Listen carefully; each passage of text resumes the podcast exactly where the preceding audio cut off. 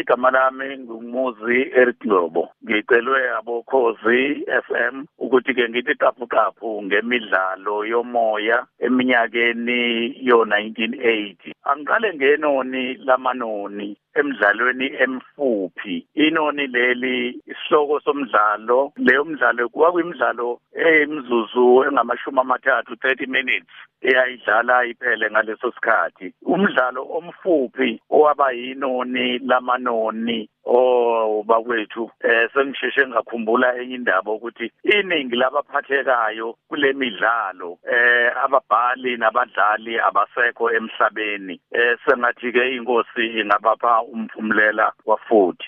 Ngisho ukuthi owabamfuphi waba yinoni lamanoni. Isihloko sawo sithi kulukhuni ukuba yindoda wawumayelana nomkhize wayedlalwa yimina nonkosikazi wami wokuqala umandaba wayedlalwa kubusi gumede sisesoweto egoli.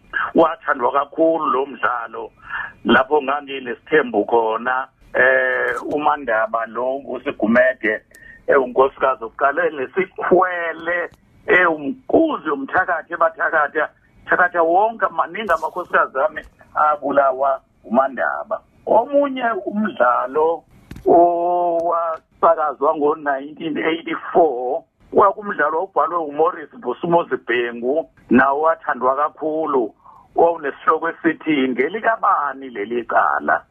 Ngangidlala indawo kaNkonzo lapho. Unkosikazi wami ngubusinessman unkosikazi wami ungududu wayedlalwa nguzamambo mkhize. Bese kuthi umzala wakhe kube ulindiwe ntuli owayevutha bhe ekhwelezela umzala wakhe ududu. Bese kuba khona intombi intombi intokazi lo businessman owayeyimina. Ayithandana nayo kwakugabisile wayidlalwa nguthandeka ndlovu mhlongo. Omunye umdlalo futhi washisa izikhotha wathandwa kakhulu wawumude uneziqephu ezu-67 usihloko sithi inkanankana owawubhalwe nguyena umuzi Eric Ngcobo. Eh wathandwa kakhulu lo mdlalo lapho eh umnumzane womuzi nonkosikazi wakhe babe ngabatholi abantwana. Kanti inkinga isekutheni bazalwa indoda eyodwa kodwa bahlangane sebehlangane euniversity eh leyo ndoda yayizifihlile komunye kumama wentombazane sebehlangana nalo mfana euniversity bashada basabathola abantwana ngenxa yokuthi banegazi elifanayo. Omunye umdlalo futhi wathandwa kakhulu ngabalaleli usihloko sithi impesheni yesiphalaphala. Lo mdlalo wawina i-artes award ngithi ngo-1987 wadla ubhedu zisihle zonke iziteshi zemsakazo yabomdabu egoli. Omunye umdlalo owaba mnandi kakhulu waba nesasasa kubalaleli wawubhalwe nguMorris Busumuzi Bhengu owawuthi bakikiza buthule lapho ngangidlala khona indawo kaBrian Mkhize eh sinolindiwe kaNtuli kodwa ke kwa ngangikhwapha lakhe ke lapho ngena umyeni wakhe kuhamba kwahamba izinto zonakala kwafiwa ese kotha imbokodo nesisekelo ngesibhamu eyiphathele isikhwele kanti kudlalwa ngayo. Kuba bakikiza buthule ngoba kwase kukhalwa lapho sebeshonile bebulawe ngesibhamu. Omunye umdlalo owashisa izikhotha abawuthanda abalaleli bokho bokhozi manje okwaku Radio Zulu ngaleso sikhathi wawuthi seziyosengwa inkehli lapho umuzi wendoda waphela wonke eh ngabafana ababe ababeqotha imbote besisekelo bebulana izingane zalomnumzane lo mnumzane kwakuyimina nalawo nalapho futhi ngadlala indawo ya yalendoda eya ekwakubulawa abantwana bayo. Nawo obhalwe nguMorris Busumuzi Bhengu. Inoni lamanoni?